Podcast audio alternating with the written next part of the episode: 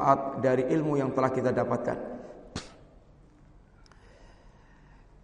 Qadibillah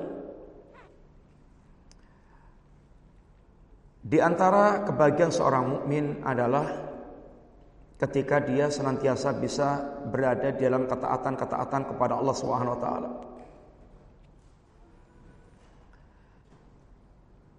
Yang ketaatan kepada Allah itulah yang akan mengantarkan kita menjadi orang-orang yang betul memiliki kebahagiaan yang hakiki dalam kehidupan kita. Yang Allah katakan man amila salihan min dakarin au untha wa huwa mu'min fala nuhyiyannahu hayatan thayyibatan Barang siapa dia beramal saleh baik laki-laki maupun perempuan sedangkan dia mukmin seorang mukmin hatinya berhias dengan iman hatinya ada rasa pengagungan kepada Allah hatinya meyakini tentang semua perkara gaib yang Allah telah terangkan hatinya sangat meyakini tentang kehidupan ba'dal mamat setelah kematian. Dan dia beramal saleh yang imannya menggerakkan dia beramal saleh karena sungguhnya hakikat iman itu apabila telah meresap ke dalam hati seorang akan menggerakkan dia beramal saleh Karena hati itu adalah pusat pemerintahan. Yang memerintahkan mata kita, memerintahkan telinga kita, memerintahkan tangan kita, memerintahkan uh, kaki kita, memerintahkan semua anggota badan kita. Yang Nabi katakan, Ala wa inna fil jasati mubghah idza salahat salahal jasadu kullu Wa idza fasadat fasadal jasadu kullu ala wahyal qalb. Ketahuilah dalam jasa seorang itu ada sekerat daging. Kalau itu baik, maka seluruh anggota badan kita akan baik. Kalau itu rusak, seluruh anggota badan kita akan rusak. Allah wayal qalb atau itu adalah jantung. Jantung kedudukannya dengan anggota badan kita ini fungsi jantung adalah memompa darah. Kalau jantungnya sehat, jantungnya bagus sehingga pompanya itu kuat, darah akan lancar mengalir ke seluruh tubuh kita. Dan darah itu mengalir dengan membawa zat makanan. Sel-sel itu akan hidup dengan baik sehat. Jasa kita sehat. Tetapi kalau jantung itu ada masalah apa lemah pompanya ada kebocoran klep jantungnya Apalagi kalau jantung itu sampai mandek grek, ya sudah, wassalam. Tubuh kita akan mengalami kematian. Kalau darah nggak lancar, lambat laun, sel-sel tubuh kita akan mengalami kerusakan, organ akan rusak, sehingga akan berdampak ke seluruh tubuh kita. Hati kita begitu terhadap amalan kita. Hati kita baik, mata kita baik, telinga kita baik, gerakan tangan, kaki kita baik. Semuanya baik. Karena hati adalah raja, kal malik kata Burairah. Hati raja. Dan anggota junud seperti pasukan yang digerakkan oleh sang jenderal, sang raja. Oleh karena itulah di sini rahasianya kenapa? Para Nabiullah alaihissalam dakwah mereka menggarap hati. Menggarap hati sebelum menggarap tampilan yang menggarap hati itu dengan cara menanamkan berbagai macam hal yang memang itu tanamannya di hati, sawahnya di hati. Karena itu semuanya berkaitan dengan perkara yang tidak dilihat oleh mata, tidak didengar oleh telinga, yang tidak bisa dirasakan oleh fisik manusia, tapi itu semuanya ada dengan sifat penghabaran. Dan itu harus menancap dalam hati manusia. 13 tahun Rasulullah Sallallahu Alaihi Wasallam dakwahnya ibaratnya full dengan bimbingan Allah full berkaitan dengan ajaran-ajaran akidah tauhid. Dari situ akan terbentuk pengagungan kepada Allah dan gambaran dan yang dan gambaran wujud keyakinan terhadap yaumul akhir seakan-akan surga dan neraka itu ada di depan mata. Iman ini kalau menghiasi hati seorang itu akan melahirkan semangat beribadah dan kelezatan beribadah. Sampai pada puncaknya dia merasakan lezatnya ibadah. Lezatnya mentaati Allah Subhanahu wa taala. Maka di antara doa Rasulullah Zayyina bizinatil iman. Ya Allah, hiasilah hatiku dengan iman. Karena iman ketika telah menghiasi hati seorang, itu akan melahirkan semangat beramal yang disertai dengan kelezatan dan kenikmatan. Rasul kita yang mulia sallallahu alaihi wasallam bagaimana beliau merasakan lezatnya salat? Sehingga beliau katakan wajuilat qurratu aini fis salah. Dijadikan kelezatan di dalam hatiku itu malam salat. Satu di antara alamat seorang bisa menikmati itu sanggup berlama-lama, bisa berlama-lama. Nabi pernah sholat sahabat. Satu rakaat itu beliau membaca Al-Baqarah. Ikhwan Al-Baqarah. 280 6 Itu berapa juz? Hah? Terus ditambah lagi, lanjut lagi An-Nisa Masuk ratusan ayat Tambah lagi Al-Imran berapa ayat? 200 ayat Kalau di total Al-Baqarah, An-Nisa, Al-Imran berapa ayat? Berapa juz? Sampai 5 juz lebih yang perlu antum bayangkan itu kalau makmumnya antum, makmumnya kita. Kira-kira gimana kita salat di belakang imam yang sampai bacaannya sekian panjang itu. Tapi Nabi dan para sahabat pernah menikmati. Dan mereka kalau salat itu ya kayak menghadap Allah sehingga betul-betul mereka menikmati salatnya, memahami bacaannya. Ya, orang-orang mereka artinya betul-betul sangat menikmati salat.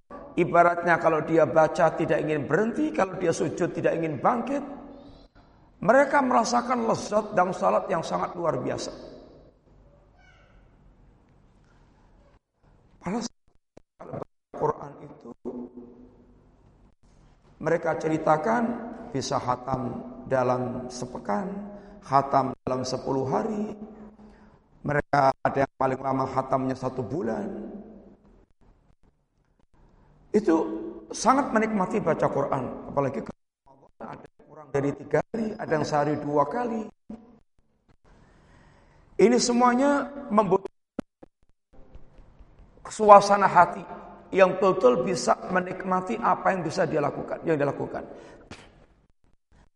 Iman itu kalau hati akan mengantarkan ke situ. Dan memiliki semangat. Lihat membuat para sahabat memiliki semangat yang luar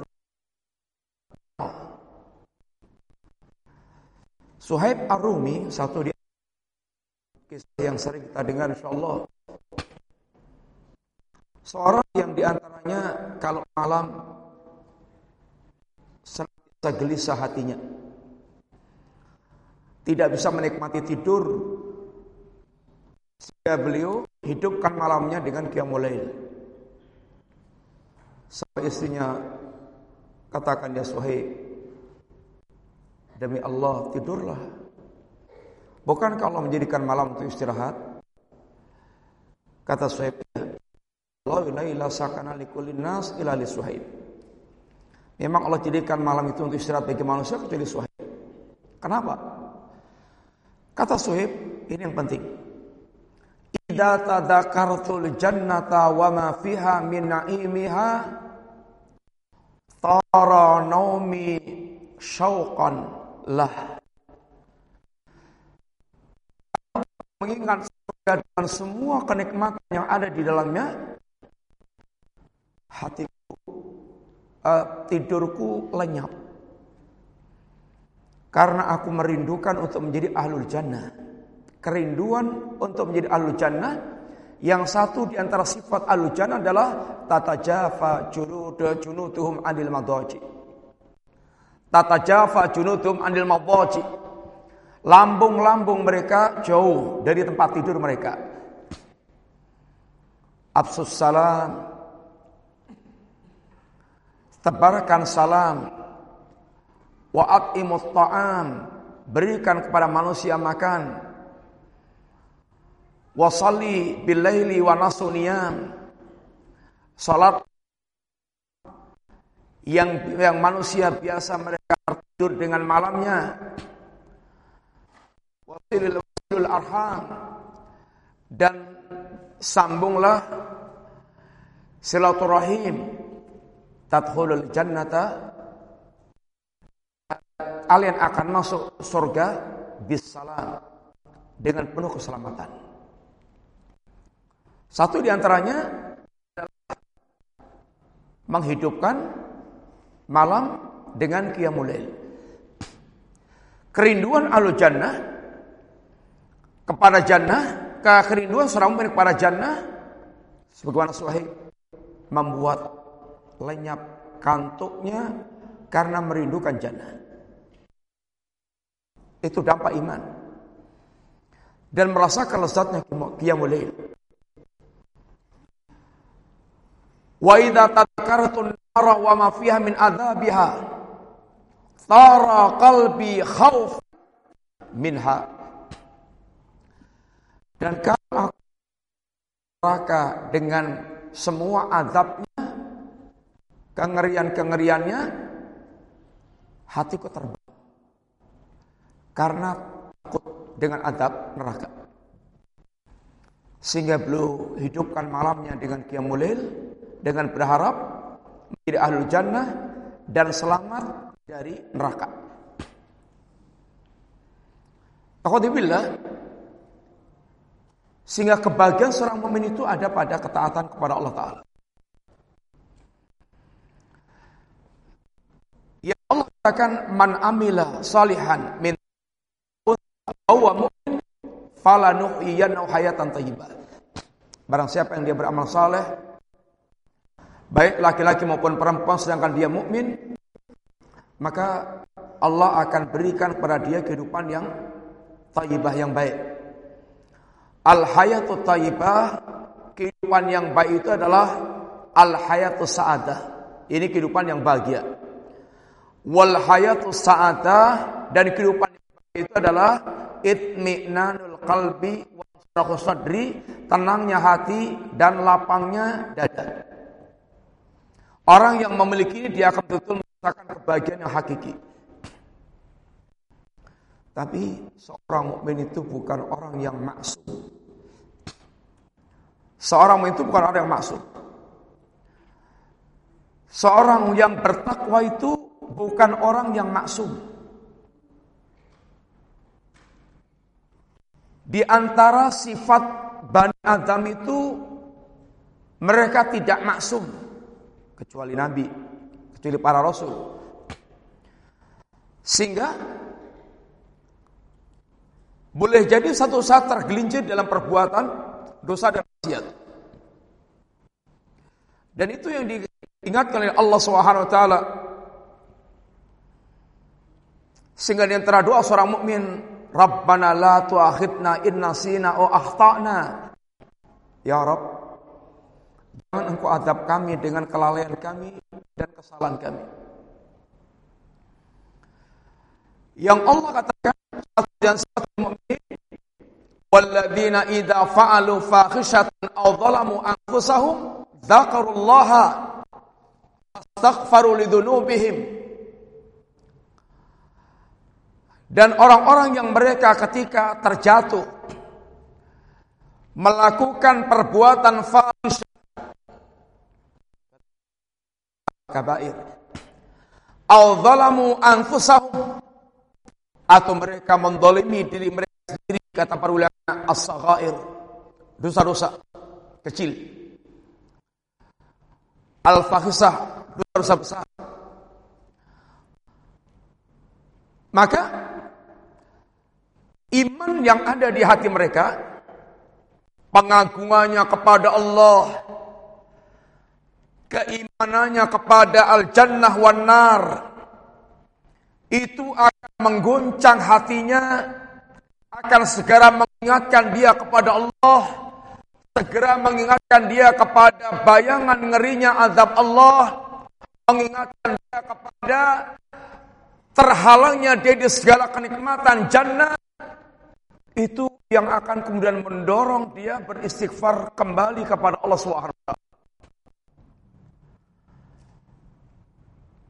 Sehingga permasalahannya bukan pada apakah seorang mukmin itu tergelincir dan perbuatan maksiat, tapi masalahnya adalah kemudian segera bertaubat atau tidak.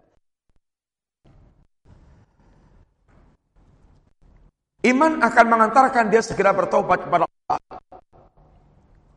Sehingga yang membedakan mukmin dengan yang tidak walam yusirru ma fa'alu wa ya'lamun. Mereka tidak akan terus-menerus melakukan perbuatan dosa sedangkan mereka mengetahui. Di zaman para sahabat banyak yang mereka tergelincir dalam perbuatan dosa. Ada baik itu al-kabair apalagi as-sagair. Tapi mereka memiliki penghapus-penghapus dosa yang sangat kuat. Ya amal baik dia, ia kesabaran dia dalam hadapi musibah, ia dan istighfar mereka yang menjadikan dosa mereka berguguran. Yang menjadi masalah itu Ketika kemudian kita terjebak dalam maksiat, terlilit oleh maksiat, dan kemudian lepas dari maksiat. Ini yang sangat berbahaya.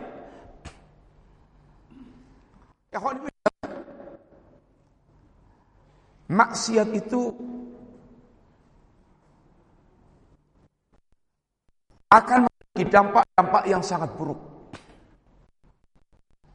Maksiat itu dosa yang telah membinasakan umat-umat dahulu.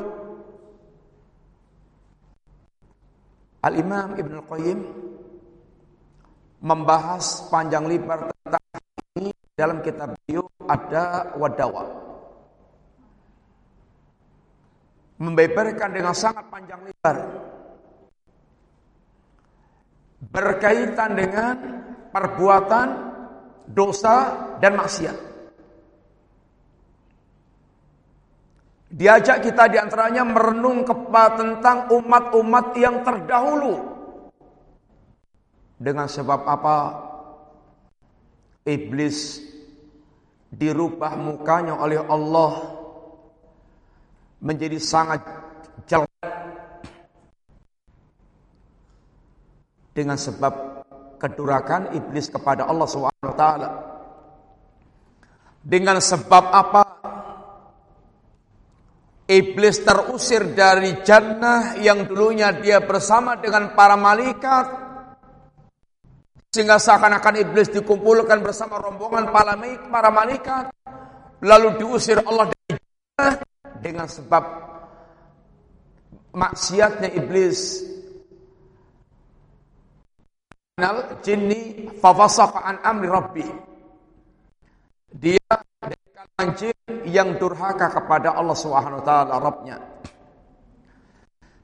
Apa yang membuat Adam orang tua kita Abul Bashar dia beliau terusir dari jannah karena kemaksiatan iblis kepada Allah atas godaan eh, kemaksiatan Adam kepada Allah atas godaan iblis tertipu oleh godaan iblis. Apa yang membuat Allah menenggelamkan kaumnya Nabiullah Nuh?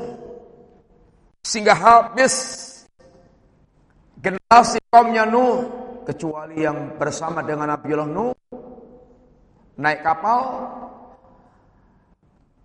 sehingga diselamatkan Allah Subhanahu wa taala dan sisanya semuanya ditenggelamkan habis. Ludes. Apa yang menjadikan Allah Subhanahu wa taala mengirim kepada kaum Ad angin yang bertiup delapan hari tujuh malam. Antum bisa bayangkan puting beliung itu kalau bergerak 15, 15 menit saja itu dampaknya sudah bisa kita lihat. Bagaimana kalau angin itu sampai 8 hari 7 malam. Membuat suasana itu akan ludes, berantakan, hancur. Apa yang membuat kaum Samud Allah azab dengan suara yang memekakkan telinga mereka membuat copotnya jantung-jantung mereka. Apa yang menjadikan kaumnya Nabi Shu'aib Allah kirimkan awan awan berapi yang menghujani mereka dan menghancur binasakan mereka.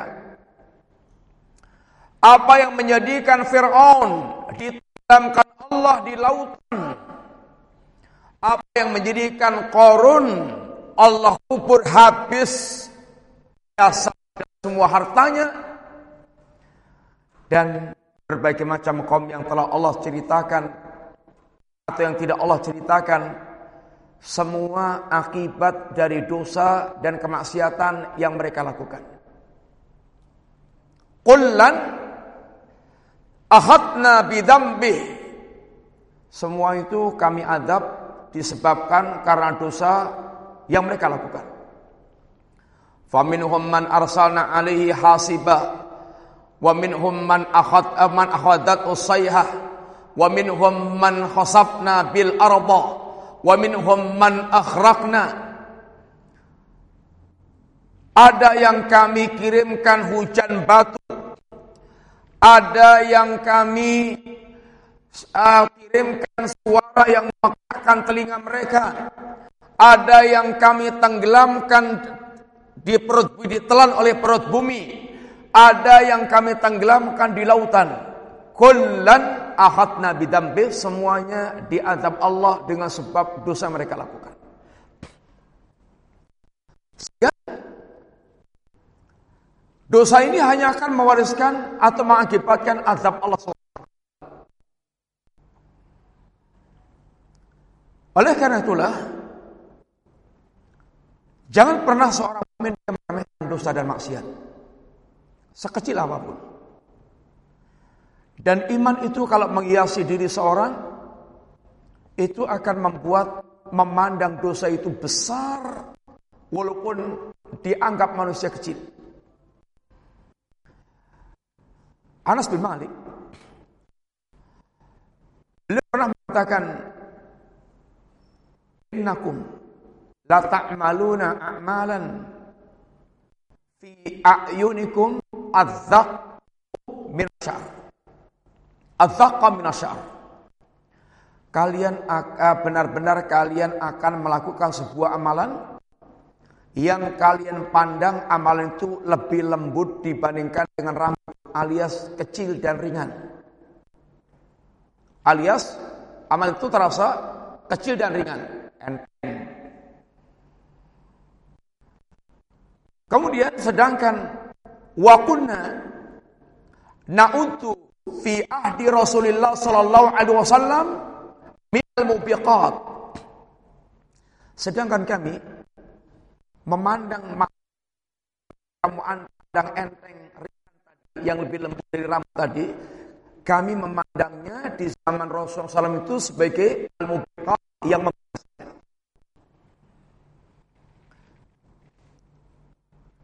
Kenapa yang ini memandang enteng, yang ini memandang sangat berat? Semuanya kembalinya ke dalam hati seorang. Seorang yang hatinya berhias dengan iman, ada rasa pengagungan kepada Allah, itu akan membuahkan memandang dosa itu besar yang boleh jadi orang memandang sangat remeh dan kecil. Ibnu Mas'ud beliau pula mengutarakan dengan kalimat Innal mu'mina yara ka'annahu fi asli jabal. Seorang mukmin itu dia memandang dosanya kayak orang yang mereka berada di bawah gunung yakhafu ayaqa'ali yang mereka khawatir gunung itu akan runtuh menimpa mereka. Wa innal fajira yaradnubahu ka'annahu dzubab kadzubabin yaqa'a anfi Seorang yang fajir itu dosanya kayak lalat yang mencelok di hidungnya kemudian dengan gampang diusir gitu aja. Artinya enteng dan remeh. Tamsil Nabi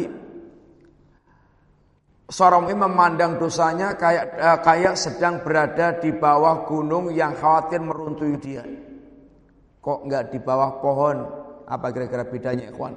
Di bawah gunung sama di bawah pohon kira-kira apa bedanya? Kalau di bawah pohon gimana? Kalau di bawah gunung gimana? Gimana kira-kira? Gimana? Antum Hmm? Rindang. Terus nggak takut, kayak di pohon nggak takut. Mau ambruk, terus dia di bawah pohon. Sama-sama ini gunungnya mau runtuh, pohonnya mau ambruk, kok nggak di bawah pohon, di bawah gunung tamsilnya ini. Kira-kira? Ada faedah lain nggak? Gimana Pak? Terus? Yang lain gimana? Kalau di bawah pohon itu kemungkinan selamat ada. Memangnya pohonnya tumbangnya ke sana, dia di sini, selamat. Dia di sini, tumbangnya ke sana, ya selamat. Atau tumbangnya ke sini, selamat. Tapi kalau di bawah gunung, Mbok ya mau di tempat mana pun, di sini, di sini, di sini, di sini, gunung runtuh, jeblok gitu, ya nggak ada selamatnya. Artinya hati yang memandang dia binasa dengan dosa-dosa itu. Nggak ada kemungkinan selamatnya itu nggak ada. Sehingga ketakutannya, rasa ketakutannya besar. Sehingga orang-orang semisal Abu Bakar As-Siddiq, semisal Hamdalah, kita tahunya Abu Bakar itu tidak ada kemaksiatannya, nggak maksiat. Hamdalah itu nggak ada kemaksiatannya dalam pandangan kita. Tapi bagaimana mereka merasakan dirinya dengan tinggi? Bahkan mereka membayangkan seandainya mereka itu amalnya tidak direkap sehingga tidak masuk surga maupun tidak masuk neraka. Tapi selamat yang jelas selamat dari neraka. Karena kekhawatiran mereka. Ada memandang dosa itu ringan. Kayak lalat sehingga hidungnya kemudian bisa dosa gitu aja. Ikhwan billah Agama nanti kita mengingatkan kita. Dosa itu walaupun dilakukan dengan sembunyi-sembunyi dan sendirian itu sangat mengkhawatirkan. Nasibnya pelaku dosa ini sangat mengkhawatirkan. Ada sebuah hadis yang sangat layak untuk kita renungkan yang harusnya menjadi peringatan setiap kita terlebih zaman yang kita fitnah-fitnah hujan deras malam yang gelap gulita kayak gelombang lautan yang sangat dahsyat Nabi pernah menggambarkan fitnah-fitnah dengan ungkapan seperti itu baik fitnah syahwat maupun fitnah syubhat. Apa kata Nabi di antaranya? Badiru bil a'mali fitanan qaqita'il lailil mudlim yusbihu rajul mu'minan wa yumsi kafiran wa yumsi mu'minan wa yusbih kafiran. Yabi'u dina yabi'u yabi'u dinahu bi aradi minad dunya. Segeralah kalian beramal karena akan muncul fitnah-fitnah yang seperti malam yang gelap gulit, potongan malam yang gelap gulita, yang dahsyatnya fitnah di antaranya orang yang paginya masih mukmin, hari yang sama sorenya telah kafir, sorenya masih mukmin, hari yang sama paginya telah kafir, dia jual agamanya untuk mendapatkan dunia. Nabi pernah mengatakan fitnah dengan kaum dengan ungkapan il qatri seperti air hujan yang turun merata deras di mana-mana kehujanan fitnah. Nabi pernah menggambarkan dengan kamauji eh, alati eh, alati tamuju kamaujil bahr seperti gelombang dahsyat. Ini semuanya gambaran Nabi tentang fitnah munculan di tengah manusia. Dan penggambaran-penggambaran ini termasuk bagian kasih sayang Rasulullah kepada kita di antaranya agar benar-benar kita memperbaiki baik-baik jangan sampai kita menjadi orang yang menjadi korban fitnah-fitnah yang ada itu ketika kita ke dalam fitnah sehingga punya kesiapan yang lebih di siap di dengan pemberitaan-pemberitaan Nabi tentang fitnah-fitnah tersebut. Jangan sampai begitu kita dapat mendapatinya kita gelagapan kemudian nggak siap, kemudian kita tenggelam dalam arus fitnah, ini merupakan bagian kasih sayang Rasulullah Sallallahu Alaihi Wasallam. Di zaman kita, fitnah itu datang begitu deras, sangat deras. Sehingga kalau kita mau membuat statistik perkembangan maksiat, ufet sangat cepat dan merata.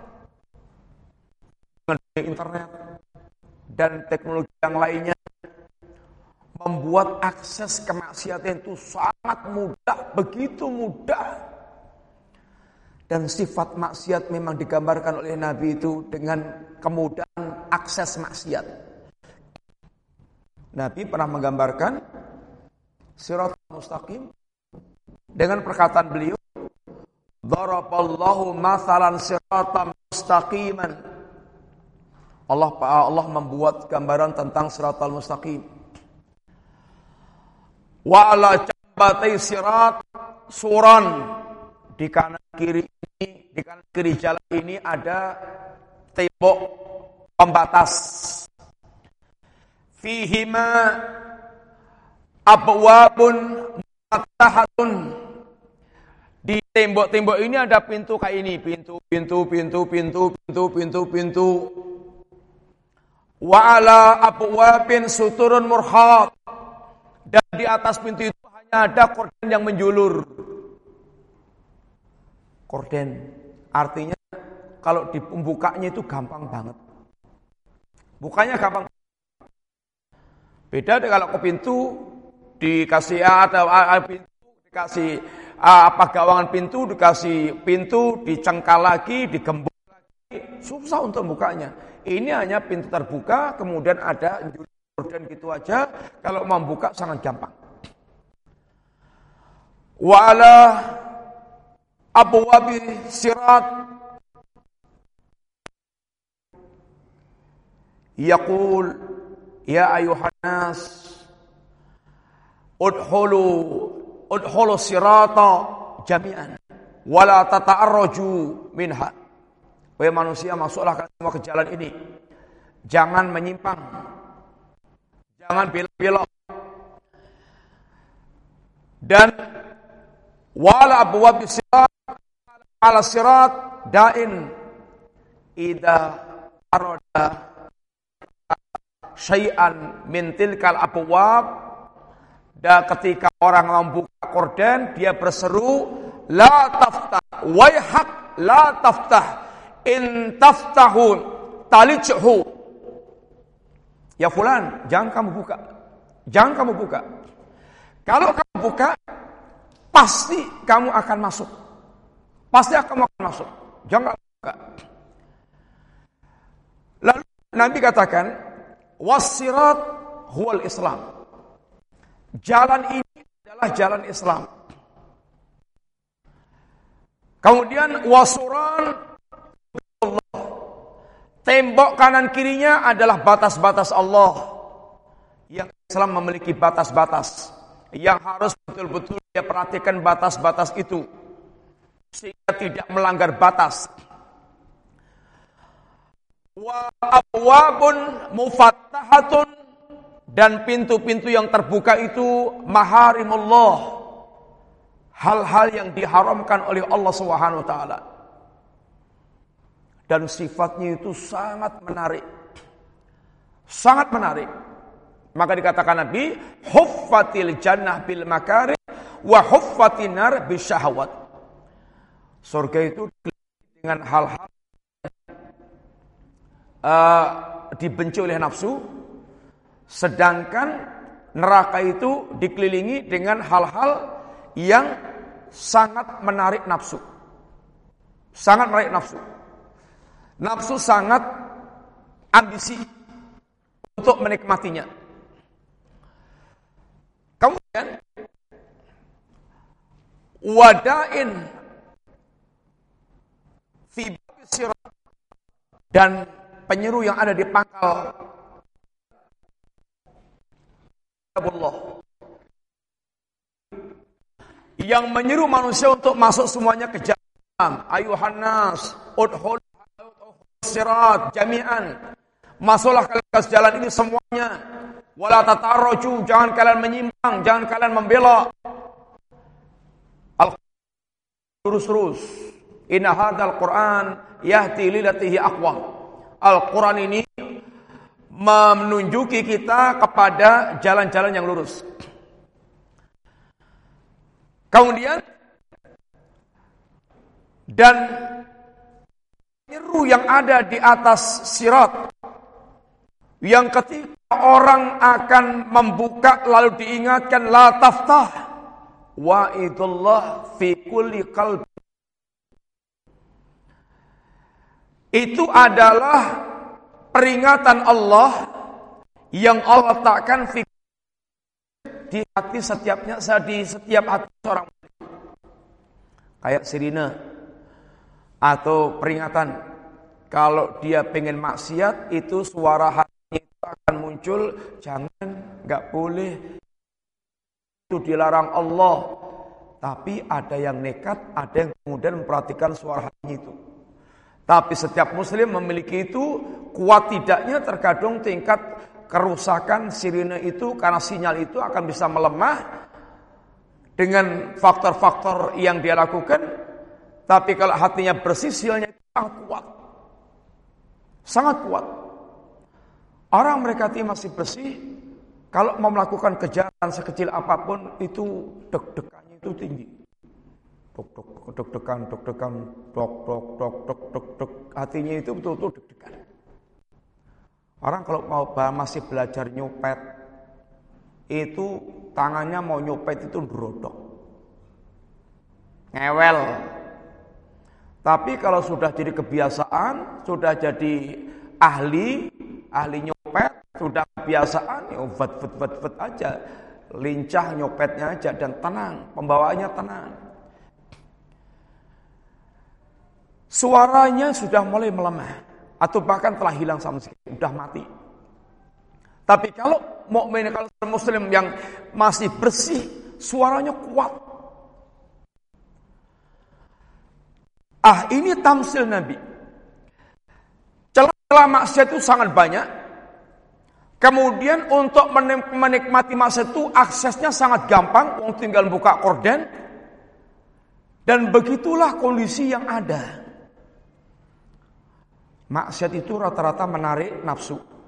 Dan nafsu itu rata-rata tertarik dengan fitnah. Inna nafsala ammaratun bisu. Nafsu itu benar-benar memerintahkan melakukan perbuatan yang buruk. Dan ditambah lagi ada bisikan-bisikan setan. Yang menghias-hiasi perbuatan maksiat yang buruk itu. Kalau ketemu antara bisikan setan kemudian gejolak nafsu dan kesempatan oh itu langsung bet orang kobong melakukan perbuatan maksiat.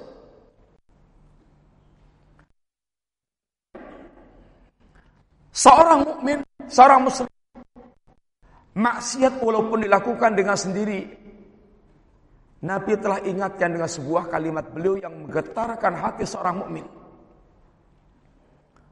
la a'lamanna aqwaman min ummati ya'tuna yaumal qiyamati bil hasanati amsali jibali tihamata bayda. Saya tahu benar-benar ada di kalangan umatku ini suatu kaum yang mereka ini kelak dari kiamat akan datang menghadap Allah dengan kebaikan sebesar gunung Tihamah yang putih. Kebaikan yang besar. Kebaikan yang banyak. Dia tetapi bernasib tragis. Bagaimana tragisnya? Fayaja'alu hallahu haba'an mansura. Allah jadikan kebaikan sebesar gunung Tiama yang putih itu ludes bagikan debu yang peterbangan. Para sahabat yang mendengar ini tentu miris. Para sahabat orang yang paling semangat untuk selamat dari keburukan. Para sahabat tidak ingin mereka ini yaitu terjebak dalam sebuah keburukan sedangkan dia nggak tahu sehingga tidak mengenali keburukan tersebut. Maka di antara sunnah Islam adalah mengenal keburukan dalam rangka untuk selamat dari keburukan tersebut. Allah katakan, walitastabina sabilul mujrimin. Allah jelaskan dengan panjang lebar dalam Al-Quran jalan-jalan orang mujrim agar jelas jalan itu. Jalan syirik, jalan kufur, jalan nifak, jalan ahli maksiat, jalan orang mujrim. Agar jelas jalan mereka sehingga bisa menghindari.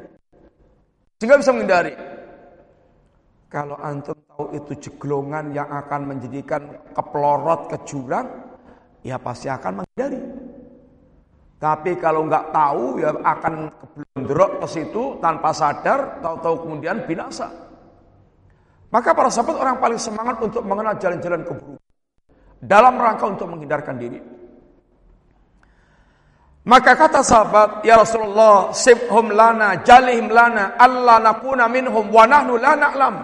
Ya Rasulullah, sifatkan dan terangkan tentang mereka siapa ya Rasulullah agar kami bisa agar kami tidak masuk golongan mereka padahal kami nggak tahu. Orang yang tidak tahu itu sangat memungkinkan dia terlatih dia larut ini tenggelam dalam arus kemaksiatan atau arus penyimpangan dalam kondisi dia tidak tahu. Dalam kondisi dia nggak sadar. Baik itu subhat maupun syahwat. Apalagi subhat. Kalau subhat itu malah bukan sekedar dia tidak merasa, tapi menganggap itu kebaikan. Makanya iblis lebih suka orang tenggelam dalam bid'ah-bid'ah dibandingkan dengan maksiat. Karena kalau orang tenggelam dalam bid'ah itu rasanya rasa kebenaran, rasa petunjuk, sesat rasa petunjuk. Ini kebenaran. Sehingga kalau mereka melaksanakan dengan penuh semangat, yakin takarub kepada Allah akan mendapatkan pahala sehingga dia pun tampilnya itu mantap dengan bid'ahnya itu. Sehingga belas belas belas belas dengan bid'ah yang dia lakukan. Itu karena yakin itu al-haq. Karena yakin itu adalah kebenaran. Beda dengan maksiat. Maksiat itu orang tahu ini jelek dan dia dan rata-rata dia yakin seyakin yakinnya sedang melakukan perbuatan yang tidak terhormat, perbuatan yang nista, yang rendah dalam perasaan secara umum begitu. Walaupun sama-sama sulit lepasnya dari perbuatan baik bid'ah maupun maksiat. Maka kata Nabi menjelaskan kepada para sahabat Amma innahum ikhwanukum wa min jildatikum wa ya'khuduna min al-laili kama ta'khudun. Mereka ini kawan-kawan kalian. Mereka ini bahkan dari kulit-kulit kalian. Mereka ini bahkan yang lebih hebat lagi memiliki kebiasaan sholat malam sebagaimana kalian. Ini bukan orang sembarangan. Intinya orang ini zahirnya kelihatan sholat. Zahirnya kelihatan saleh dan itu ada dan Nabi katakan Inna minar rajul inna rajula la ya'malu bi amali ahli jannah fima yabtu linnas Ada orang yang mereka beramal dengan amalannya ahli jannah tapi itu dalam pandangan mata manusia. Kelihatan itu selalu nampak sholat. Wong dia kelihatan alim, wong dia kelihatan bajunya berbaju. Ini orang yang menerapkan syariat. Itu tampilan di depan mata manusia. Tapi kata Nabi, walakinnahum qaumun idza halau bi maharimillahi intahakuha. Mereka ini orang yang apabila sudah berada di balik mata manusia, sudah menyendiri atau tidak dilihat orang, tidak di keramaian, sendiri atau sama dengan temannya yang sejenis dengan dia, dia tenggelam dalam hal yang diharamkan oleh Allah Subhanahu wa taala. Untuk di zaman kita sangat lebih memungkinkan terbukanya pintu seperti itu. Di zaman dulu Orang kalau mau lihat minta maaf, orang telanjang, mungkin dotok mana empiak, jeput nit, ninjen dari mana. Sekarang antum tinggal klik klik klik klik klik klik, klik bisa melihat sabdunya apa yang diinginkan sangat gampang. Yang penting dikunci nggak ada orang bisa selancar seluas apa yang nafsunya dia inginkan. Tapi ini yang Nabi ingat kepada kita. Sehingga maksiat yang dilakukan dengan sembunyi-sembunyi ini sangat berbahaya. Ini menunjukkan yang pertama seperti munafik. Ini menunjukkan seperti karakternya orang munafik. Yuhati'un Allah walladzina amanu. Dia pengen menipu Allah kalau bisa dan menipu orang mukmin dengan tampilan-tampilan zahir ketaatan yang mereka lakukan. Mereka nampakkan ucapan-ucapan yang masya Allah, tapi hati mereka kosong dari keimanan. Yaquluna bi afwahihim ma laysa fi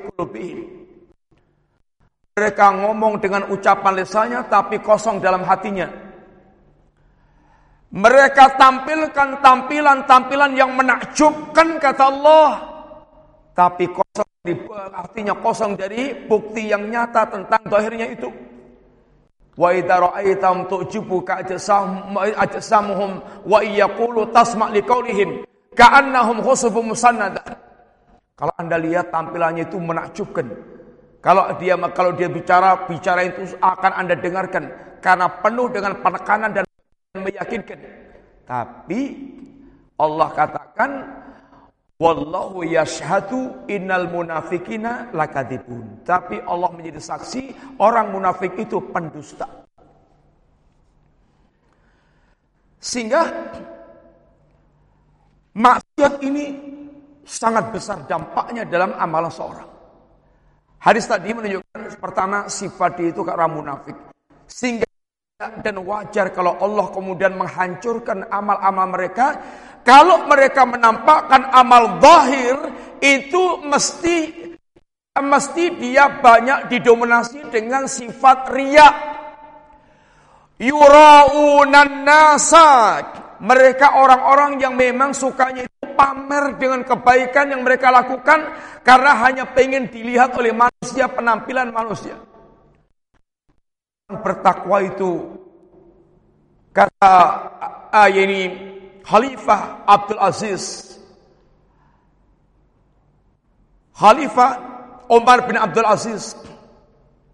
Laisa taqwa Bisyami nahar Wa biqiyamil lail. Wa maharim. Takwa itu bukan sekedar menampakkan puasa di siang hari, kemudian sholat malam di eh, sholat malam di malam hari, qiyamul di malam hari tapi hakikat puasa itu adalah bitarkil ma'asi dengan meninggalkan perbuatan kemaksiatan. Kalau bergabung sholat tarweh, bergabung puasa di bulan Ramadan, dan yang semisal yang amalan-amalan yang nampak secara zahir itu bisa berserikat di situ orang yang fajir maupun orang yang mukmin.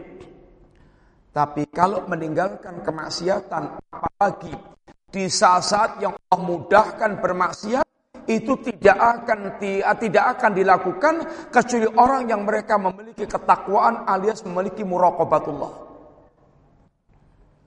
Dan itu ujian takwa di situ. Allah Subhanahu wa taala katakan liya'lamallahu bil ghaibi.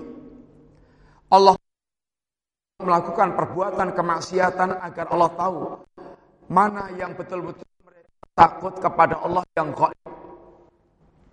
Ini ada dua peristiwa yang menjelaskan ayat ini. Yang satu contoh generasi yang gagal, yang satu contoh generasi yang berhasil. Yang gagal adalah orang-orang Yahudi. Orang Yahudi Allah perintahkan jangan hari Sabtu jangan berburu. Waktunya fokus untuk ibadah kepada Allah Ta'ala. Tetapi justru hari Sabtu Allah mengujinya dengan binatang buruan yang sangat membuat ngiler. Hari Sabtu itu ikannya itu ting pertungul banyak banget yang tidak muncul di hari Ahad, Senin, Selasa, Rabu, Kamis, Jumat itu kalau toh kelihatan nggak menarik. Tapi dari Sabtu itu justru sangat menarik. Mikir gimana caranya bisa dapat ikannya dan tidak kelihatan maksiat kepada Allah Ta'ala. Itu namanya hilah. Hilah mengkali hukum yang Allah inginkan. Akal kancil gimana caranya bisa ngancili ini hukum Allah Subhanahu wa taala Akhirnya punya pikiran pasang jolo di hari Jumat, hari Sabtunya itu kelihatan leren, nggak ngapa-ngapain, hari Ahadnya panen. Kalau ikannya do masuk ke jolo ya salah dewi. Itu dianggapnya gitu-gitu sudah melaksanakan apa yang diinginkan Allah SWT. Mirip melaksanakan sesungguhnya dia adalah ahli. Beda tapi eh beda tapi kelihatan sama. Maka apa hukumannya? Kunu kiradatan khasiin. Ketek, ketek, elek.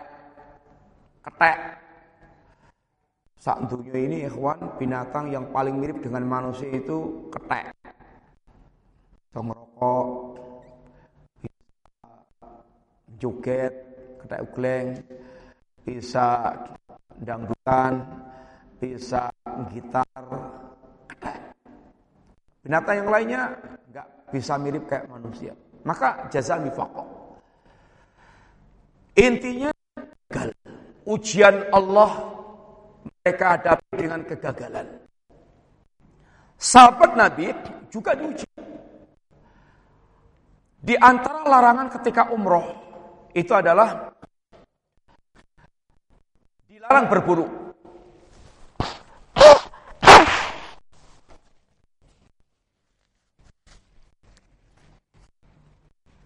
Dilarang berburu. Justru sedang ihram, di waktu ihram maksudnya, di waktu ihram dilarang berburu. Dan antum jangan bayangkan ihramnya orang sekarang umpamanya dari Madinah ke Makkah dengan bis enak, AC, ya dulu hanya jalan. Kalau nggak jalan kaki ya hanya dengan perbekalan yang uh, ini untuk sangat ini. Capek, lapar, butuh ini segala macam. Saat itu justru Allah mudah binatang-binatang buruan itu bisa ditangkap dengan tangannya, bisa ditangkap dengan tombaknya. Tetapi para sahabat tahu ini saat yang dilarang oleh Allah Subhanahu wa taala. Dan sahabat selamat dengan ujian itu lolos, lulus. Itu ujian takwa. Satu saat kita pasti akan dihadapkan dengan ujian model seperti itu. Sangat dimudahkan bermaksiat, ada kesempatan, nafsunya sedang bergejolak, tidak ada penghalang, pokoknya tinggal mau atau enggak gitu aja. Di situ tinggal satu pintu, yaitu pintu Allah Subhanahu taala. Nabi Yusuf dalam jebakan maut godaan Yulekha. Semua pintu ditutup. Tidak ada seorang pun yang melihat. Dan minta maaf dalam keadaan orang berat.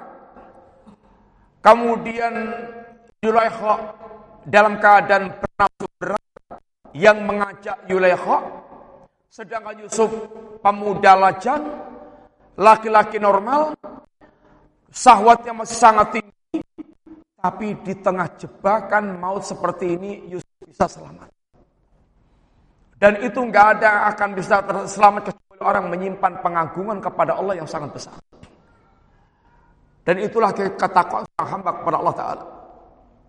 Maksiat itu dampaknya sangat dahsyat di antaranya adalah terhadap pribadi kita paling tidak yaitu meracuni hati sampai menuju kepada kematiannya. Karena maksiat itu adalah sahmun min, uh, min siham iblis. Dan merupakan eh, ini sumun merupakan racun yang lambat laun bisa membuat hati itu mati. Maka kata Ibnu Barak, aku lihat dosa itu mematikan sehingga dosa ini memiliki andil atau mengarah kepada kematian hati. Sampai ketika manusia mereka ini kemudian selalu menyerap fitnah, fitnah, fitnah, fitnah, dia serap terus, hatinya menuju ke kematian. Kita akan selalu dihadapkan kepada fitnah, tinggal kita sikapinya bagaimana. Nabi katakan dalam hadis tu'radul fitanu alal qulub Hati kita akan senantiasa ditawari berbagai macam fitnah-fitnah. Kemudian eh, kata Nabi, hasil seperti tikar yang utan-utan, dari seutas demi seutas. Artinya fitnah itu akan datang satu persatu terus berdatangan menawarkan hati kita. Eh, hati ini mensikapinya ada dua keadaan. Satu, ayu qalbin asrabaha. Nuqitat fihi nuqtatun sauda. Adapun hati yang senantiasa merespon fitnah ada fitnah datang dia respon. Dia tanggapi lalu dia berinteraksi dengan fitnah itu. Maka akan dititik satu titik. Wa ayyu qalbin angkaraha kalau hatinya itu ketika setiap datang fitnah dia ingkari, ada tawaran gambar ini, ada tawaran iklan ini, ada tawaran untuk begini, ada tawaran untuk begitu. Intinya semuanya tawaran-tawaran maksiat yang menggoda. Dia abaikan, dia terus lewati, dia tidak ya, dia tidak acuhkan. Nukitat fi nuktatun akan dititik satu titik putih hatta yasira qalbain sehingga itu akan menjadi dua keadaan. Qalbun aswatun kalqusi jahyan la ya'rifu ma'rufan wa la yunkiru munkaran illa ma'usbahin hawahu. Hati yang dia kondisinya menjadi seperti gelas yang terbalik. Gelas ini, ini terbalik. Botol yang terbalik, gelas terbalik. Kemudian pokongannya gelas ini penuh dengan kerak ini kerak-kerak karena nggak pernah digosok, nggak pernah dibersihkan. Ah, kondisi hati yang seperti ini, hati yang sudah terbalik seperti ini, la ya'rifu ma'rufan wa la yungkiru. Satu, nggak lagi mengenal ini ma'ruf dan mungkar. Enggak lagi bisa membedakan ma'ruf dan mungkar. Enggak lagi enggak lagi tertarik dengan yang ma'ruf dan tidak lagi dengan yang mungkar. Sehingga hati sudah betul-betul kayak mati. Enggak sensitif lagi dengan hal seperti ini. Barang baik tidak tertarik, barang buruk tidak dia ingkari. Satu. Dan ini parah. Ini sangat parah. Mukmin itu sangat mengenal hakikat ma'ruf, sangat mengingkari hakikat kemungkaran. Dan dia akan sangat gembira kalau bisa melaksanakan yang ma'ruf dan akan sangat sedih kalau terjebak dalam yang mungkar. Itu mukmin. Orang-orang yang mereka itu kalau ada tawaran kebaikan akan cepat menyambut. Para sahabat yang hatinya super sensitif, bening dan bersih. Begitu Nabi tawar ayat sari'u ila magfiratin rabbikum wa jannatin samawati wal ardu uiddat lil muttaqin. Dan ini Nabi baca di saat Nabi sedang menyemangati para sahabat untuk berjihad fi sabilillah. Kata seorang sahabat, bah bah bah bah. Uh uh uh uh ngapain? Apa yang kamu katakan? Apa maksudnya perkataan Anda? Ya Rasulullah, aku yang menjadi penghuni jannah yang luas seluas langit dan bumi. Anda termasuk penghuninya. Maka dia pun tidak lagi mau lama-lama untuk tinggal di dunia. Dia segera keluarkan perbekalannya, apa yang dia mau makan, dia buang.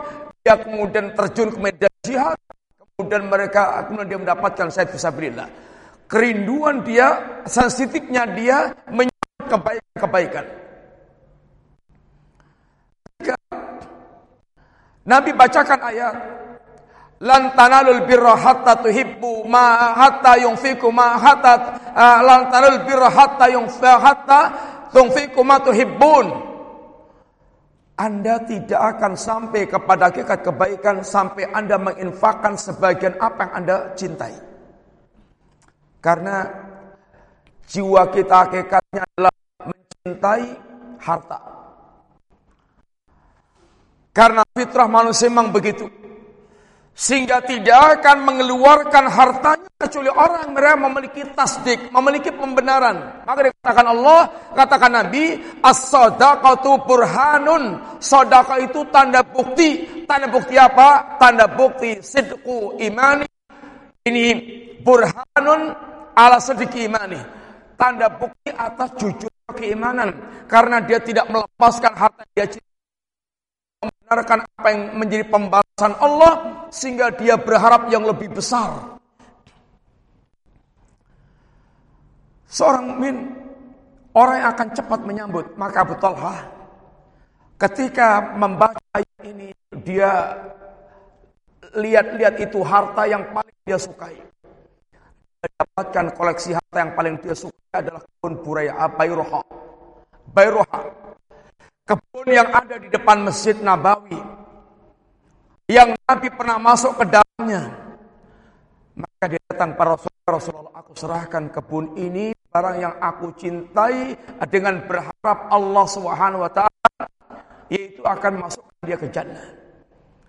Membuktikan jujurnya keimanan dia. Seorang mukmin sensitif dengan kebaikan dan sangat berusaha memiliki semangat untuk melakukan kebaikan. Itu karena hati masih kinclong. Hatinya bersih. Hatinya bening. Sehingga betul cahayanya itu mengkilat, cahaya itu bersinar terang. Beda dengan hati yang sudah buram. Ibarat kaca yang sudah jamuran sudah untuk ngilu enggak ketok. Maka yang hatinya seperti ini kata Nabi itu mbok ya digrojok berapapun air karena botolnya terbalik atau gelasnya terbalik berapapun air yang digrojokkan itu nggak akan ada yang masuk. Mbok ya ceramah yo ngantek duwer ibaratnya itu nggak ada yang masuk dalam hatinya. Hatinya sudah ketutup, kesegel. Beda dengan mukmin yang hatinya terbuka, maka kerocokan itu akan bisa masuk tergantung lebar luas uh, mulutnya atau mengecil. Keburukannya akan semakin mengecil mulut mulutnya, semakin dia bagus semakin lebar sehingga gampangnya untuk menampung yaitu siraman hidayah. Dan dia hanya tinggal menjadi pengekor hawa nafsu illa ma usliba min hawahu kecuali yang diserap oleh hawa nafsunya sehingga muttabiul hawa dan tidak lagi mengenal hakikat kebaikan dan keburukan. Ini bahayanya kalau hati itu sudah kadung yaitu dengan perbuatan maksiat, kotor dengan maksiat, ketutup. Sedangkan mukmin, orang yang mereka senantiasa menghindari fitnah, Fitnah terus berdatangan. Dulu bisa bisa fitnah memang bisa jadi tiap hari menawarkan terus, tapi karena hatinya nggak merespon, maka dia selamat. Maka hati yang putih ini la tadurruhu mati samawat wal ardu selama langit dan bumi masih tegak maka semua fitnah-fitnah itu tidak membahayakan hatinya karena hatinya itu, itu tidak merespon fitnah itu. Kata sekali Islam, jadikan hati anda itu kayak kaca dan bukan kayak busa. Kalau busa maksudnya gimana? Busa, air tes diserap, tes diserap, sampai busanya itu ngecembeng dengan air yang netes-netes itu. Sehingga diperes yang air yang tadi ketampung tadi itu. Sehingga hatinya isinya fitnah tok dituangkan ya cahaya mulut ceret akan menuangkan isinya. Beda dengan orang yang hatinya kayak kaca kata Rasulullah. Tetes air memang menimpa, tapi celorot, datang celorot, nggak direspon. Sehingga tetap bersih permukaannya, dia tidak kotor dengan yaitu datangnya fitnah, fitnah enggak, ah, ini nggak berpengaruh. Demikian Nabi menggambarkan tentang hati yang mereka kedatangan fitnah-fitnah. Ikhwan fillah, Terakhir, apa sih yang menyebabkan kita ini gampang ambruk dan terlilit dengan maksiat dan terjerat dalam perbuatan maksiat? Satu, dhaful iman. Ini yang terbesar. Lemah. Sehingga lemah uh, benteng pertahanannya, benteng pertahanannya lemah. Sehingga jebal-jebol terus, jebal-jebol terus. Karena iman itu kalau dia itu kuat, itu benar-benar dia seperti benteng yang sangat kokoh, yang syaitan tidak punya celah untuk masuk ke situ. Tapi kalau iman itu lemah, itu akan terjadi pengkhianatan antara setan dengan nafsu yang di dalam dirinya sehingga akan menghancurkan sang raja ini hati dalam manusia. Ada celah-celah untuk setan masuk ke dalam dirinya. Dia buat ada pintu-pintu yang membuat setan masuk ke dalam dirinya. Di sinilah penting seorang mungkin mempraktikkan imannya. Apa yang harus menguatkan imannya dan menghindarkan semua yang akan melemahkan imannya. Semua faktor di bawahnya itu, semua faktor yang lain itu, itu hanya rincian dari dhaful iman ini. Antum pelajari bukunya Sabtu Rosa, Asbabu Ziyadatil Iman wa Nuqsani sebab-sebab pertamanya iman dan berkurang keimanan. Sehingga bagaimana kita mengokohkan keimanan kita dan bagaimana kita membentai yaitu uh, membentai iman kita dari hal yang akan merapuhkan iman atau akan merusak iman. Ini yang pertama. Yang kedua, kawan, adalah al-jahlu. Bidinilah kebodohan terhadap agama Allah Subhanahu taala. Bodoh ini sumber malapetaka. Maka kata saya kata Ibnu Qayyim, fa'lam na fala raiba annal jahla aslu kulli fasadin wa kullu dararin yalhaqul abdu fi dunya wa ukhra fa wa natijah. Ketahui bahwa lagi bahwa kebodohan itu adalah sumber segala kerusakan. Dan tidak ada malapetaka yang menimpa manusia di dunia maupun di akhirat kecuali hasil dari kebodohan. Seperti beliau bahwa kebodohan ini adalah aslu kuli fasad, sumber segala malapetaka dan maksiat, kesesatan dan maksiat, semuanya sumbernya dari sini. Firaqubbalah. Mereka tidak masuk ke lorong-lorong kesatan karena dan mereka terhadap syariat. Firaqubbalah yang pertama Khawarij. Apa kata Nabi tentang Khawarij? Saya khruju fi akhir zaman. Akan muncul di akhir zaman. Ahdas sufahaul ahlam yaqra'una al-Qur'an la yujawisu taraqiyahum akan muncul suatu kaum di akhir zaman yang mereka ini ahdasul asnan, anak-anak muda, orang-orang yang masih pemula dalam beragama, anak-anak muda, sufaul ahlam, yang mereka ini orang-orang bodoh yang dangkal pemahamannya tentang agama. Mereka membaca Al-Quran tapi nggak melalui tulang tenggorokannya alias tidak faham dengan apa yang terkandung di dalamnya. Sehingga sering mereka membawakan Al-Quran dengan kebodohannya, menempatkan bukan pada tempatnya sehingga ketika Ali bin Abi Thalib mengomentari orang-orang Khawarij yang mengkafirkan dirinya dengan ayat Allah wa man lam yakum bima anzalallahu faulaikumul kafirun kata Ali kalimatul hak ini kalimat yang hak tapi yuradu bil batil diinginkan dengan kalimat itu kebatilan di dalam menempatkan ayat untuk mendalil perbuatannya. Dan ini terjadi pada semua ahli bidah. Maka ciri khas ahlu sunnah tidak pernah berpisah dari para ulama, apalagi ulama kibar. Ciri khas al bidah mencela ulama, ta'nul ulama, tasfihul ulama, membodohkan para ulama. Mu'tazilah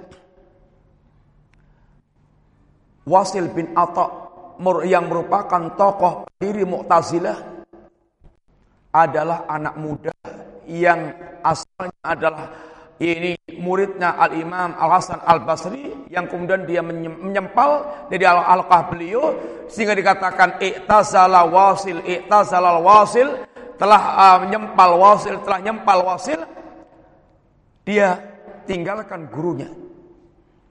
Lalu berkembang firqah Mu'tazilah dengan semua kesesatannya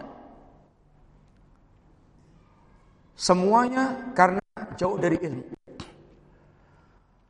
Sampai sekarang tidak ada gerakan-gerakan yang mereka itu jauh dari ilmu kecuali akan mencela ulama. Dan mereka menjalar hawa nafsu di dalam dirinya. Demikian juga terjatuhnya orang dalam perbuatan maksiat banyak yang disebabkan karena tidak paham. Maka kata Nabi Musa kepada Bani Israel yang meminta Ya Musa ij'al lana ilahan kama lahum alihatun. Qala innakum qaumun tajhalun. Ya Musa buatkan untuk kami sesembahan sebagai untuk buatkan untuk kami ilahu ini ilah sembahan sebagaimana mereka memiliki sembah-sembahan yang macam-macam. Qala innakum qaumun tajhalun kata Musa kalian itu kaum yang bodoh. Kebodohan mereka hampir menjerumuskan dalam perbuatan hanya mereka nggak faham. Kebodohannya hampir mengantarkan mereka pada perbuatan syirik. Abu Waqid al-Laythi menerangkan kondisi dirinya, dia baru masuk Islam, terus diajak Nabi ini perang Hunin, lalu di antara peristiwa perang Hunin itu ada kisah yaitu pohon keramat yang namanya Datu Anwat, tempat orang musyrikin menggantungkan senjata mereka dalam harapan tabaruk bertuah Abu Bakar Alaifi yang tenggelam puluhan tahun dalam syirik yang baru mau sedang itu melihat itu bagus seandainya kita punya kayak gitu. Maka minta kepada Nabi ya Rasulullah ij'alana data anwat kamalam datu anwat ya Rasulullah buat anwat kepada mereka memiliki datu anwat. Kala kata Nabi Kultum kama qalat Banu Israel li Musa. Yang kamu minta itu kayak yang diminta Bani Israel kepada Musa. Minta syirik, maka bertakbir sebagai tanda, ya ini keheranan. Kok bisa-bisanya minta yang kayak gini ya? Kebodohan ini akan bisa menyeret orang ke dalam perbuatan yang buruk, yang jorok, yang rusak, yang syirik, yang sesat. Tapi dia sadar. Tapi dia nggak sadar. Maka ciri khas ahlu sunnah, dia belajar. Dia takut belajar. Dia semangat belajar karena lurusnya kita hanya dengan ilmu. Dan al-sunnah itu adalah ahlul itibak, orang yang mengikuti ajaran Nabi. Bukan mukallid dan bukan orang tapi orang yang mereka mutabi. Dan orang yang mereka dan tampil menjadi tokoh itu lebih membahayakan lagi. Menjadi aimatul dalal, yang sangat Nabi khawatirkan munculnya ayat mengeluarkan fatwa-fatwa yang menyesatkan. Ketika para ulama sudah wafat, yang tinggal para para ruasa, para orang bodoh, ittakhadhan nasu ru'asan juhalan fa su'ilu ghairi ilmin fadallu wa adallu. Manusia kemudian memilih pemimpin yang bodoh, bodoh tentang agama, lalu mereka dimintai fatwa, lalu mereka berfatwa tanpa ilmu, maka mereka sesat dan menyesatkan manusia. Kebodohan sumber malapetaka. Bahkan Allah mengingatkan kebodohan ini adalah biang kerok lahirnya semua bentuk kesesatan sehingga dosanya bahkan bisa lebih besar dibandingkan dengan syirik. Innama harama rabbi al-fawahisha ma dhahara minha wa ma batan wal isma wal baghya an tusriku billahi malam yunazil bi sultanan wa an taqulu Allah ma ta'lamun. Allah mengharamkan satu. Al-fawahis dosa-dosa keji baik yang nampak maupun yang tidak nampak yang dilakukan terang-terangan maupun sembunyi-sembunyi. Dua, yaitu kezaliman, kebengisan, kecurangan. Yang ketiga, syirik. Yang keempat, berbicara tentang Allah atau Allah. Kata Ibnu Qayyim, dosanya semakin ke yang nomor empat ini semakin besar. Sehingga yang paling besar adalah berbicara tentang Allah dan agama Allah tanpa ilmu. Kenapa kok bisa lebih besar daripada syirik? Iya, semua kesesatan munculnya dari sini. Bicara tentang Allah dan agama Allah tanpa ilmu. Sehingga tidaklah muncul syirik, kufur, nifak, bid'ah, maksiat segala macam kecuali dari berbicara tentang Allah dan agama Allah tanpa ilmu. Yang ketiga, di antara sebab orang terjebak, terlilit, terjerat dalam perbuatan kemaksiatan adalah kasratul fitan. Banyaknya fitnah-fitnah. Banyaknya fitnah-fitnah. Banyak fitnah tentu berdampak.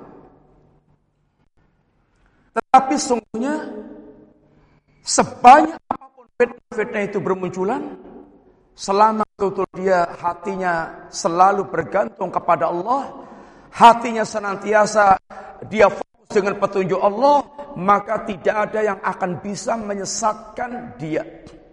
Ikhwan, para musuh-musuh Islam itu sudah menggunakan segala macam cara untuk bisa menyesatkan manusia, bahkan dengan anggaran berapapun yang ingin di uh, untuk membackup program-program tersebut. Program yang paling Utama adalah harakatul irtidat, gerakan untuk murtadkan kaum muslimin. La yazaluna yuqatilunakum hatta yarutukum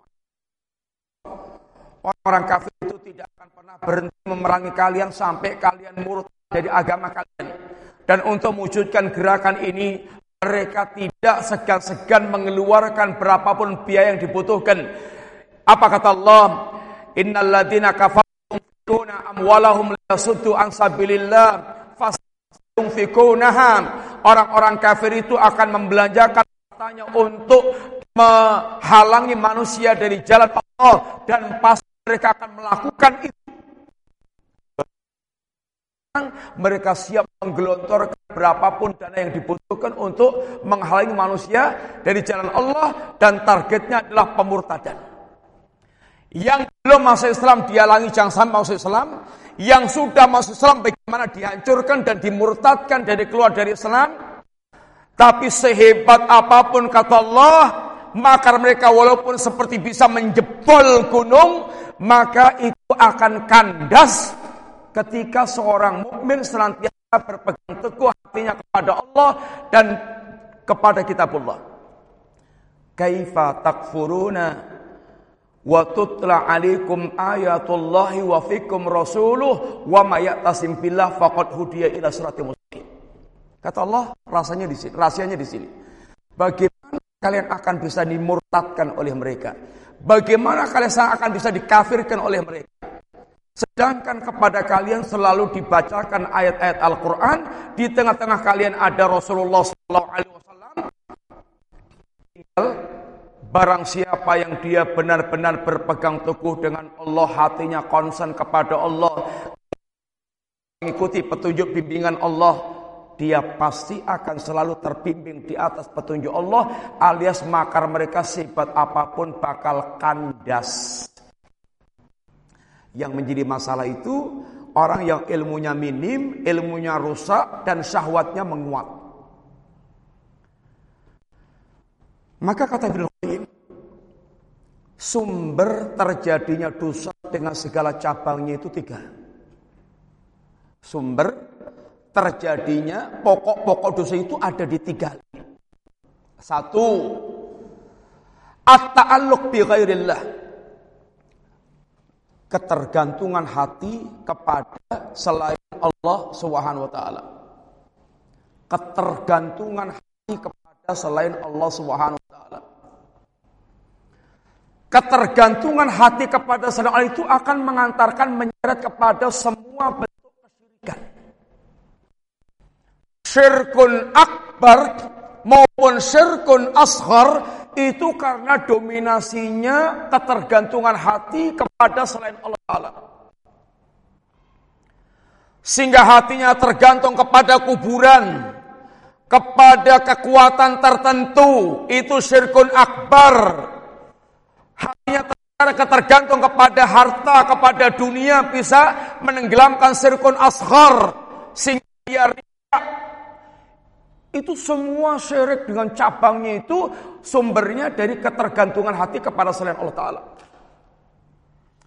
Maka pendidikan tauhid adalah membebaskan hati dari ketergantungan kepada makhluk sehingga totalitas hati bergantung kepada Allah Subhanahu wa taala.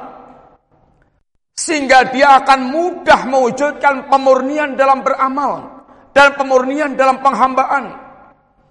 Kenapa kita sulit ikhlas, ikhwan?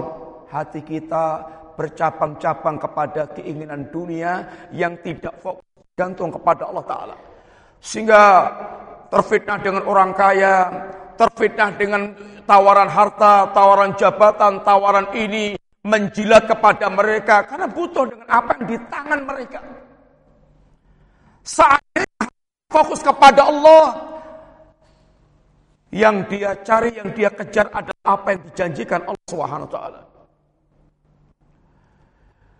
Dan itu membutuhkan betul-betul penanaman keyakinan sehingga muncul pengagungan kepada Allah taala. Di sini rahasianya kenapa para sahabat gampang sekali ikhlas dan berkualitas amal mereka dan kenapa kita super sulit sangat sulit untuk mewujudkan amal-amal besar. Yang kedua, sumber dosa itu itu ketaatan dia kepada kekuatan marah. Tidak bisa mengendalikan marah. Marah akan menyeret ke bentuk kezaliman. Murka. Dia murka. Sehingga dia akan zalim dan bengis dan curang dan muncul segala macam cabang dosa dari sini. Yang berkaitan kekejaman-kekejaman. Yang ketiga, karena dia turuti kekuatan hawa nafsu. Sehingga puncaknya adalah zina. Puncaknya ketergantungan hati kepada selain Allah syirkun akbar.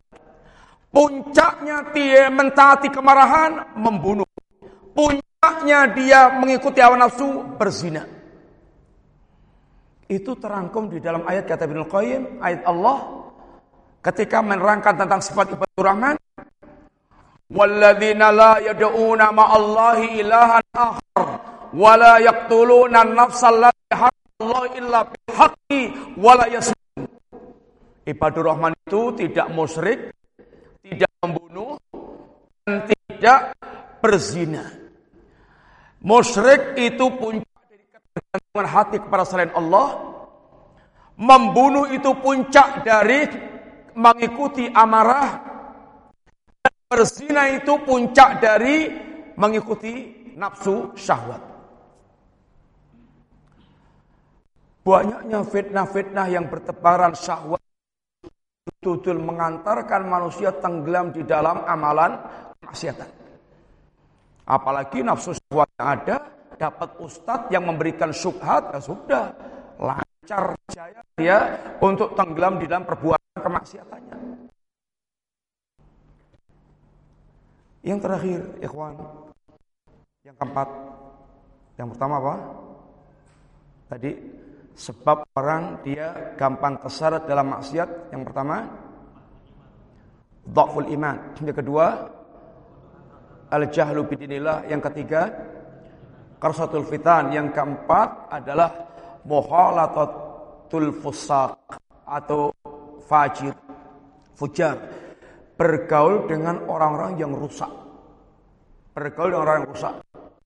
Rusak itu ya rusak akidahnya, rusak agamanya, rusak syahwatnya, Orang yang rusak itu eh, kawan itu kata Nabi eh, kata para kata pepatah as-sahib sahib. Kawan itu nuntun.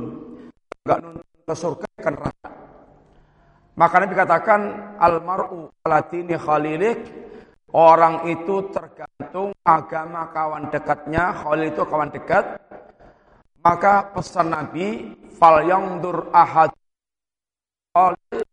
hendaklah betul-betul Ikan siapa kawan dekat Anda, teliti, teliti, teliti, betul, teliti, jangan sampai kita kemudian salah pilih teman. Uh, diterangkan dalam kitabnya uh, Tazkiyatul Nufus Syekh Makhwarid menukil Ibnu Qayyim atau ulama yang lainnya, orang yang kita gaul itu ada empat tipe. Tipe makanan, tipe obat, tipe yaitu penyakit, tipe racun. Tipe makanan itu artinya yang selalu kita butuhkan. Kayak kita butuh makan, minum tiap hari untuk segernya awak supaya sehat. Itu butuh makan, minum. Nah, tipe ini itu adalah kebutuhan kita kepada para ulama yang mengajarkan agama dan memberikan teladan dalam beragama. Yang kedua tipe obat yang kita butuh, eh, yang kita menguntal obat itu kalau butuh. Antum tiap hari sarapan butrek atau gimana? Enggak kan butrek kita untal kalau kita butuh pas agak mumet-mumet kita beli butrek kemudian untal butrek. Ah, ada orang-orang yang kita gauli ketika kita butuh. Karena kita butuh penjahit, kita butuh sopir, kita butuh segala macam interaksinya ketika butuh aja. Tidak sebagaimana interaksinya kepada para ulama seperti makanan tadi. Yang ketiga, kayak penyakit. Rawan menular. Sehingga harus ekstra hati-hati. Antum aja zaman corona kemarin gimana? Suruh maskeran terus atau bahkan jangan keluar rumah. Kalau keluar rumah maskeran, kemudian jaga jarak sampai nggak perlu ke masjid, jangan ke masjid sampai belasan ada orang bertahun-tahun nggak berani ke masjid karena takut mati ketularan penyakit dan takut mati. Artinya dia betul-betul sangat uh, preventif, jaga diri. Untuk menjaga yaitu kesehatannya. Ah, berkaitan dengan pergaulan itu sungguhnya ada bagaimana kita harusnya menjaga diri. Sehingga tidak sembarang bergaul dengan orang. Harus pilih-pilih. Karena rawan ketularan penyakit kerusakannya itu. Yang keempat kayak racun. Yaitu ahlul bidah, ahlul bid'ah. Yang kalau kita bergaul dengan mereka, pemikirannya bisa seperti racun yang menjalar di tubuh kita, akan menghancurkan agama kita, akan mematikan agama kita. Demikian ikhwan, 11 tepat. Kita cukup sekian. Terima kasih banyak. Jazakallahu khair. Minta maaf atas segala kekurangannya. Semoga Allah taala melindungi kita semuanya dari ketergelinciran, menjaga kita dan senantiasa Allah menggerakkan hati kita untuk perhatian dengan agama karena ini kunci kebaikan kita dan memberikan istiqamah sampai kembali kepada Allah dalam keadaan husnul khatimah. Jazakumullah khair. Wassalamualaikum Muhammadin wa ala alihi washabihi wasallam. Subhanakallahumma wa bihamdika asyhadu an la ilaha illa anta astaghfiruka wa atubu ilaik. Assalamualaikum warahmatullahi wabarakatuh.